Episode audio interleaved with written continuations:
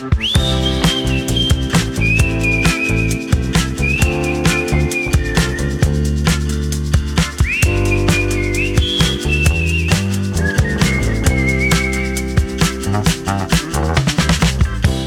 dia, Sílvia. Bon dia, com estàs, Andreu? Molt bé, tot a lloc, no ens podem queixar. I tu? També molt bé, molt bé. Avui vinc molt animada Sí? perquè avui m'he proposat fer dues coses en una. A veure, farem multitasking. Sí, perquè no sé si te'n recordes, quan veu venir amb el Matthew aquí a casa per Patum, mm. -hmm. un dia us vaig cuinar un que jo en dic risotto, però que, Ah, sí, boníssim. Brutal, sí, sí. però que segur que eh, si algú tastés el meu risotto diria que no és un risotto, perquè els risottos es fan diferent, etc etc. no? I sempre, cada cop, m'esteu dient Sílvia, ens has de dir com es fa, ens has d'enviar la recepta... I he pensat, doncs mira, el que farem avui és explicar la recepta per a tothom i així no només la tindreu tu i el Matthew, sinó que la tindrà tothom. Uhu! Ei, doncs agafeu paper i boli perquè aquesta recepta és boníssima. Jo sí que dic que és un risotto, és a dir, no sóc expert en risottos, però n'he menjat alguns i aquest, per mi, compleix totes les característiques. Vull dir, un arròs melós, bo, boníssim i val molt la pena. Per tant, us recomano que agafeu paper i boli com jo ara mateix i aneu apuntant la recepta que ens explicarà la Sílvia perquè val molt la pena, és molt bona. Vinga, jo ja estic preparat. Vinga, som-hi, doncs. A veure, A veure, el primer de tot que necessitem és preparar tots els ingredients, no? Uh -huh, D'acord. Quins ingredients necessitem? Primer de tot has de comprar un porro, Uh -huh. 10 xampinyons, 10 xampinyons, concretament, d'acord. 10 xampinyons. El que passa és que, si és època de bolets, Uh -huh. el que faig és que en comptes de comprar xampinyons, ho faig amb els bolets que hem, que hem recollit, que hem agafat al bosc. Mm. Si hem anat a buscar bolets, només agafo els fredolics. Ah, d'acord. Però, si teniu una barreja de bolets, també podeu agafar una barreja de bolets. A la recepta diré tota l'estona xampinyons, però això, com acabo de dir, ho podeu canviar per als bolets que vosaltres us agradin. D'acord. Molt bé. També necessites aigua, Uh -huh. Quantes? sal, aigua aproximadament un litre i mig o potser Mhm. dos litres. D'acord. També necessites sal, Uh -huh. mantega, que jo sempre compro la mantega Cadí, no em Mhm. patrocinen, però és la, és la que compro sempre. D'acord. Llavors, arròs, jo sempre compro arròs blanc del Nomen, del Delta de l'Ebre, Uh -huh. però si voleu un altre arròs, doncs també com vosaltres vulgueu. I per últim, només necessitem llet de cuinar, que sempre compro una d'aquelles ampolles de vidre que hi ha en els supermercats que hi ha aproximadament uns 200 mil·lilitres de llet, Mm. i llavors compro formatge parmesà que o bé és ratllat o bé és com escamat. Ah, sí. Saps què vull dir? Sí, són com unes làmines fines, no? Exacte, com trossets de formatge parmesà, exacte. Mhm. -huh. I compro uns paquets on hi va aproximadament 100 grams. Uh -huh. D'acord. Ho tenim tot a punt? Sí, la part dels ingredients ja la tinc apuntada. Aleshores, ara què? Com el preparem, aquest plat? Aquest plat es fa amb dos parts diferents. Comencem Mhm. amb la primera part de totes. Hem d'agafar una olla Uh -huh. i posar-hi l'aigua a bullir. Aquest litre i mig o dos litres d'aigua. Uh -huh. Depèn de com sigui l'olla, necessitem l'aigua perquè hi puguin cabre els xampinyons i el porro. Per tant, si és una olla que és molt més ampla, necessitaràs molta més aigua. Clar. S'entén? Uh -huh. D'acord. Llavors, poses aquesta aigua i poses un tros del porro. Jo no hi poso tot el porro sencer, sinó que agafo el tros de porro, que és la part blanca, Uh -huh. i aproximadament fa uns 8 o 10 centímetres. 8 o 10 centímetres de llarg. Exacte. D'acord. I els 10 xampinyons que ja els he netejat. Els netejo una mica, els hi trec les coses que no estiguin bé i els tiro sencers a dintre d'aquesta olla. Ah I també hi poso la sal. La sal, que seria com un, un pessic així generós? Sí, generós. D'acord. Llavors, es posa a bullir i en el moment en què l'aigua bull, o sigui que fa bombolletes, Uh -huh. s'ha de fer durant 45 minuts, una hora. mm, D'acord, com si fos un brou. Exacte, no has de fer res, simplement això, que es vagi coent, tot sol. Molt bé. Llavors, una vegada passat aquest temps, el que faig és que apago el foc, trec el porro d'aquest caldo, d'aquest brou, i jo el llenço, perquè no en faig res. Uh -huh. I llavors guardo aquest caldo que s'ha fet i trec, o sigui, escorro els xampinyons. D'acord. Quan els xampinyons els he tret d'aquest caldo, els tallo. I com els talles? Els tallo a làmines, Uh -huh. però ho podeu fer com vulgueu. Vull dir que si voleu fer-ho més gran o més petit, també podríeu fer-ho. Però jo els tallo com laminats. Uh -huh. I tot això ho reservo, ho guardo. Guardo el caldo i guardo els xampinyons tallats. Molt bé. I aquí s'acaba la primera part d'aquesta recepta. Perfecte. De vegades, quan no tinc gaire temps, el que faig és que aquesta primera part la faig un dia. Mm. Clar. Guardo tot això i un altre dia faig la segona part, que és ja fer el, el risotto en si. Clar, i així segur que el fas amb un pim-pam, no? El fas de seguida. Exacte. Molt bé. Exacte. Uh -huh. En canvi, si ho voleu fer tot el mateix dia, doncs el mateix. Simplement continueu amb el procés. D'acord. El que sí que heu de tenir en compte és que si ho feu en dies separats, quan feu la segona part de la recepta, heu de tornar a escalfar el brou. O sigui, mm. aquest caldo ha de ser calentó, Mhm. no pot ser que sigui fred. D'acord. Ara, segona part. Vinga, segona part. A veure. O sigui, ja és el dia que volem menjar el risotto. Uh -huh. Llavors, jo a casa tinc un cassó que és bastant gran. Si no teniu un cassó gran, podeu agafar una cassola. Parèntesi, què és un cassó? Expliquem-ho. D'acord. Una cassola normalment té dues nanses, una a Mhm. cada banda, mentre que un cassó normalment té un mànec, Uh -huh. només un, Sí, que és per on l'agafes. exacte. Ho pregunto per als oients, eh? Jo ja sé que és un cassó. Ah. Però sí, sí, per si algú no ha sentit mai aquesta paraula, doncs és això. És com una cassola més petita, però que en lloc de tenir les dues nanses té un mànec. I una olla, que és el que havíem dit abans, és com una cassola, però més alta, Hmm. Que serviria per fer-hi un brou més... No? Un brou més així, per fer una més quantitat. escudella, una sopa... D'acord, molt bé. Aleshores, agafem el cassó. Exacte. I aquí és on hi poso la mantega. Mm, D'acord. Has dit quanta mantega abans? Has dit la marca, però no, no la No. quantitat. Exacte. doncs agafes la mantega i, com bé sabeu, són com unes pastilles, no? com unes preses de mantega. Hmm. Llavors, el que has de fer és que has de tallar aquesta mantega i jo en faig uns cinc trossos. Cinc trossos, però molt prims. Però no tinc clara la mida, o sigui, la quantitat realment, perquè hi ha diferents preses, no? O sigui, hi ha diferents mides de, de mantega d'aquesta mateixa marca i de la resta ja... Sí, de la marca que di hi ha com dues mides. Jo sempre agafo la petita Uh -huh.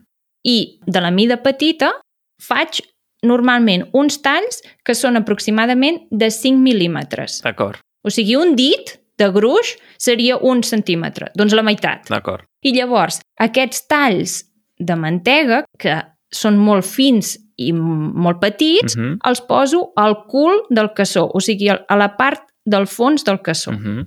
A sobre d'aquesta mantega hi poso 11 cullerades d'arròs. 11. D'acord. Sí, amb una cullera d'aquestes de menjar escudella. Una cullera de sopera, no? Exacte, una cullera Una super. cullera grossa, d'acord. Llavors, amb la mantega i l'arròs, poso el cassó al foc. Uh -huh. I llavors, a partir d'aquest moment, ja s'ha de començar a remenar i jo ho faig amb una espàtula de fusta. Uh -huh. I una pregunta. Abans de posar-hi l'arròs, les 11 cullerades d'arròs, fas que es desfaci la mantega o no? O, o fiques No. tot directament i que es desfaci llavors tot junt? Exacte, que es es desfaci tot junt. D'acord. Perquè quan tu ho poses al foc, com has dit molt bé, es comença a desfer aquesta mantega. Uh -huh. I aquest líquid, aquesta mantega líquida, és el que fa que l'arròs no s'enganxi al cassó, no es cremi. Uh -huh. D'acord. De vegades hi posem aigua, de vegades hi posem oli, no? Perquè per coure alguna cosa, doncs en aquest cas es fa amb mantega al principi. Molt bé. Llavors, Què més? a mesura que es va escalfant, aquesta mantega es fon Uh -huh. i has d'anar remenant l'arròs perquè no es cremi, perquè no s'enganxi. Uh -huh. Quan vegis que ha passat re, molt poc, eh? potser un minut, ha passat un minut, i la mantega ja comença a evaporar-se, ja s'està quedant sense líquid, i l'arròs ja es comença a enganxar, Uh -huh. aquí és on hi has de començar a afegir aquest caldo, aquest brou que havíem fet. D'acord. Que l'hem escalfat prèviament si l'hem fet el dia anterior, no? Exacte, és molt important perquè si no l'escalfem, Uh -huh. para de bullir, Clar. o sigui, para de coure. Uh -huh. Clar. I llavors, com més fred estigui, més vegades comenci a bullir, o sigui, pari de bullir, més tardaràs a fer-ho. Uh -huh. S'entén, no? Sí, sí, sí. D'acord? La qüestió és que no hi has d'afegir tot el líquid. Ah, no? No. El que has de fer és fer-ho a poc a Ah, poc. sí. O sigui, Uh -huh. agafes un culler i tires una cullerada, o sigui, un culler de líquid, de brou. Ah, un culler, eh, a casa meva en diem cullerot, d'acord.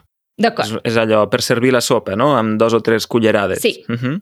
Exacte. Tires un, un cullerot o un culler a dintre del, del cassó. Uh -huh. I ara el que tens és l'arròs, que ja no s'enganxa perquè hi ha el brou, i per tant pot remenar i desfer si s'ha enganxat una mica. Uh -huh. I aquest brou comença a bullir altra vegada. D'acord. Per tant, hem de tenir el foc al màxim? Mm, jo el tinc, el tinc mig alt. D'acord. Perquè La bulli. qüestió és que, que bulli, Mhm, exacte. d'acord. Si està bullint, és suficient. Molt bé.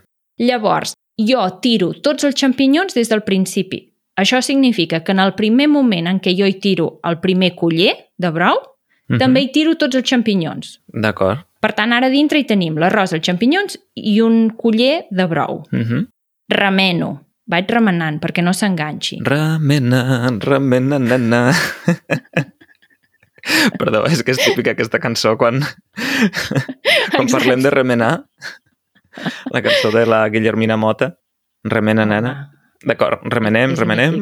Uh -huh. Remenem i quan veiem que el brou s'ha anat evaporant, doncs se n'hi haurà d'afegir de nou, Mhm. d'acord? El que passa és que llavors combino. Una vegada hi tiro brou i la següent vegada hi tiro aquesta nata, aquesta llet líquida, Mm, sí, d'acord. d'acord? O sigui, una vegada brou, la següent vegada que s'evapora hi tiro la nata, la llet líquida. I anar fent així, Uh -huh. fins que he acabat la nata.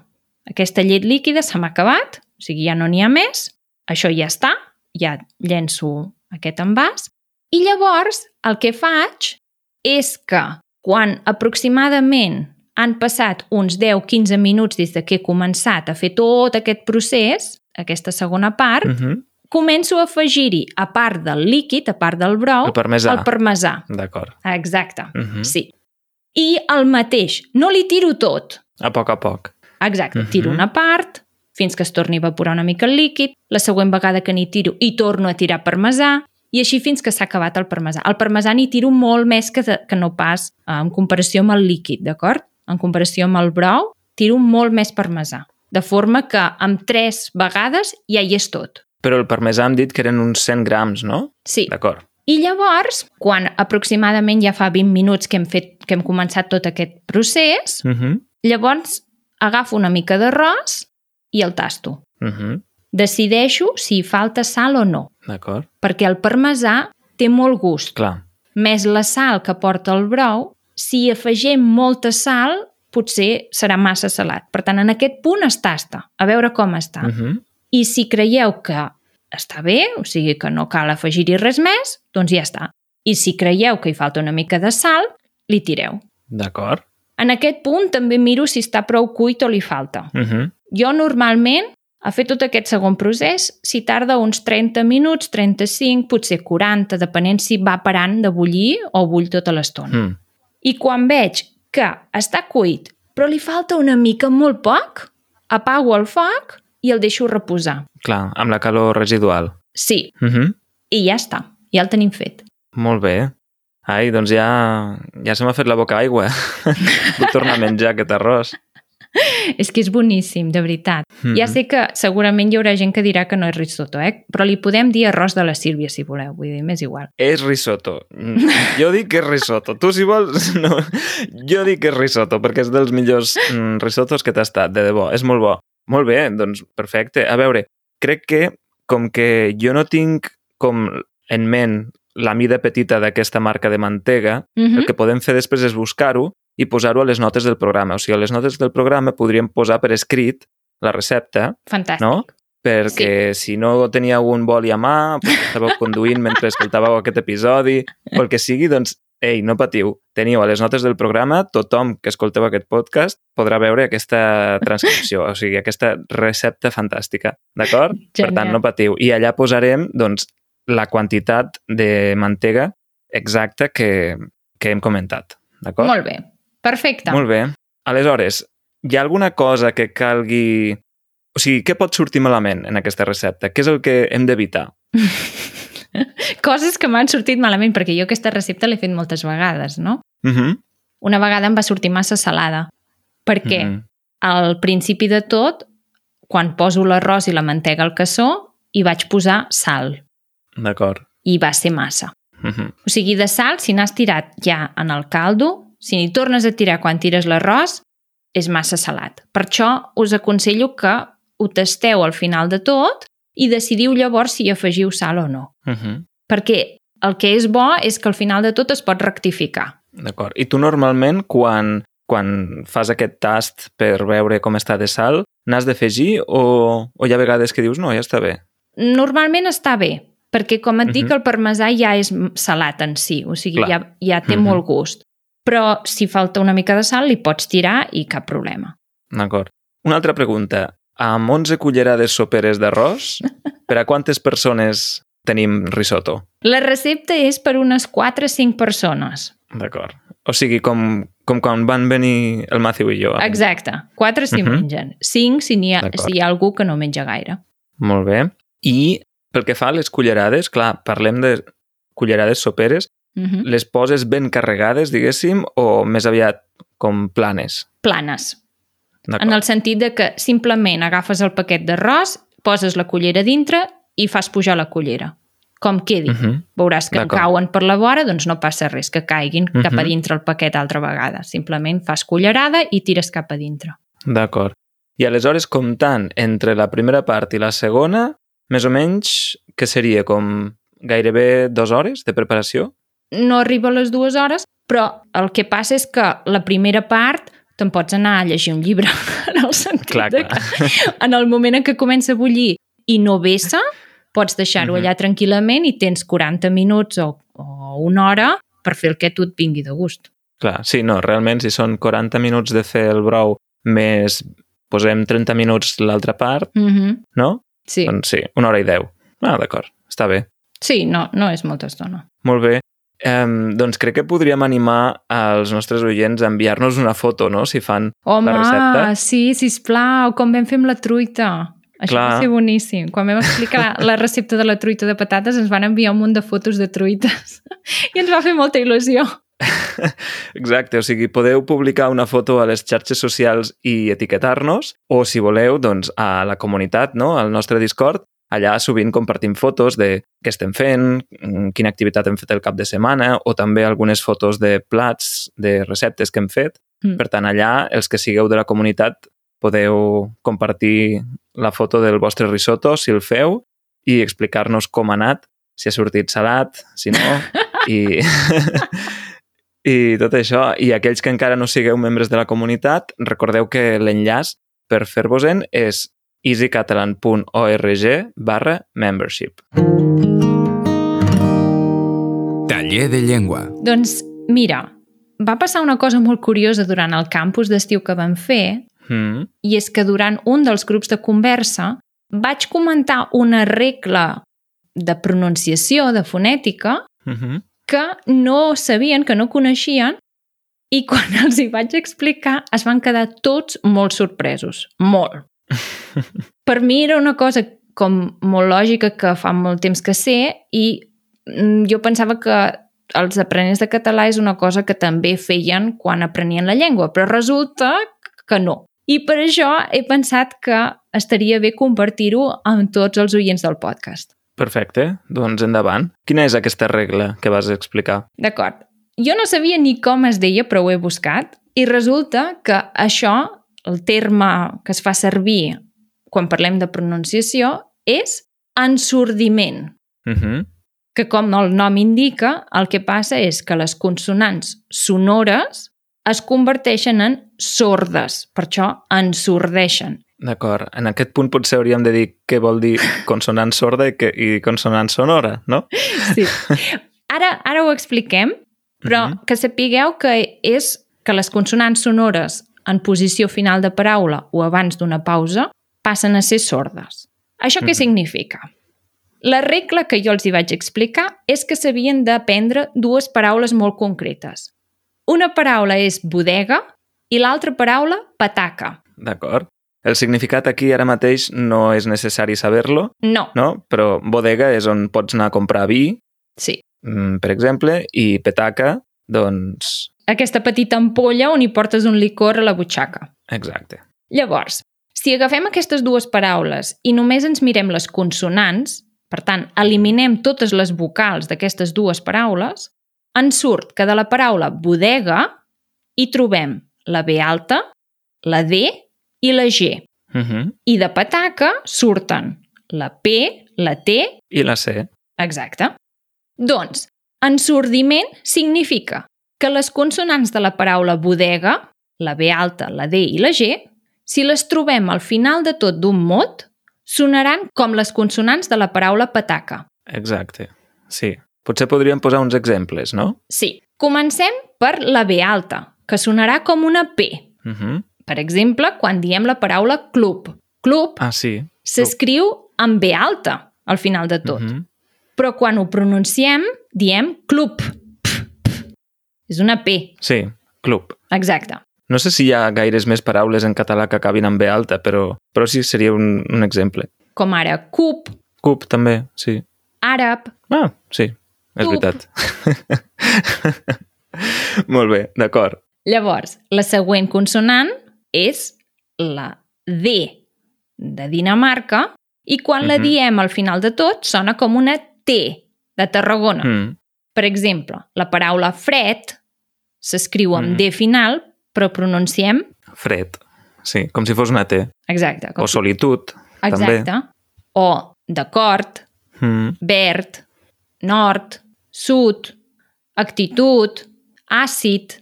Totes aquestes paraules acaben amb D, però es pronuncia una T. Mm. D'acord, i amb la C, Exacte. I l'última és la G. ve la G que passa a C, sí. Exacte. Diem C, però té el so de K, no? O sigui, k, k. Sí. Llavors, Mm -hmm. per exemple, la paraula llarg s'acaba amb G, però diem una C, una K, no? Mhm. Llarg. mm. O, per exemple, demagog, Sí, pedagog. càstig, mag, diàleg, nàufrag, Mm. rec... No sé si algú li està passant al cap ara mateix, però, però és així. Jo no l'havia estudiat amb, aquest, o sigui, amb aquestes paraules eh, de bodega i petaca, però està molt bé com a regla mnemotècnica, no?, per recordar. Va molt, molt bé, perquè fixa't que a mi m'ha quedat. O sigui, són les dues paraules que jo els hi vaig Mhm. dir, no? Vaig dir, sí, no coneixeu la regla bodega-pataca, i se'm van quedar mirant tots així com, què dius, Sílvia? Llavors, jo crec que és una regla que és molt senzilla de recordar, que a més a més es veu clarament, no? Mhm. perquè les dues paraules tenen només aquestes consonants, i en el moment en què ho saps, és tot molt més clar. Exacte. Molt bé.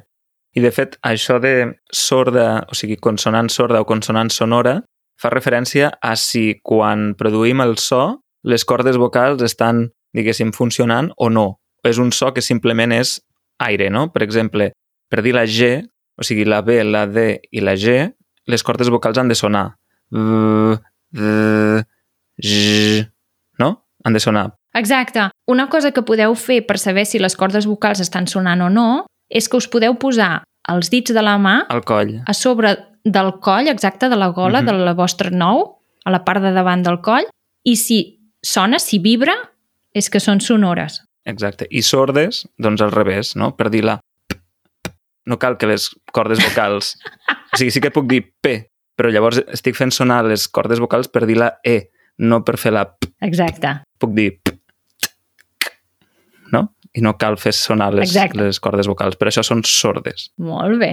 Fantàstic. Crec que ha quedat claríssim. Doncs sí, i escolta, és, està molt bé aquesta regla, perquè és molt clara i molt fàcil de recordar. Bodega, petaca. Molt bé. Fantàstic, Andreu. Doncs veus, ja ho tenim tot fet. Ja ho tenim? Doncs vinga, l'hora dels agraïments. agrair a tothom que ens hagi escoltat fins en Mhm. aquest moment per seguir-nos, no només en aquest episodi, també en tots. Mhm. Fa molta il·lusió sempre que ens escriviu comentaris i ens dieu que sou seguidors des del primer episodi o des de fa X episodis. Sempre, sempre fa il·lusió. I moltes gràcies també a tots els membres de la comunitat que ens doneu suport, que participeu en les xerrades o en els xats, diferents xats escrits que tenim, o que veniu a les trobades presencials. Per tant, moltes gràcies a tots vosaltres i gràcies també, com sempre, al Departament d'Empresa i Treball de la Generalitat de Catalunya. Així que, dit això, Sílvia, acabem. Que vagi molt bé. Que vagi bé. Adeu. Adéu. I bon provit! Gràcies. Recordeu que hi ha la recepta a les notes del programa, eh?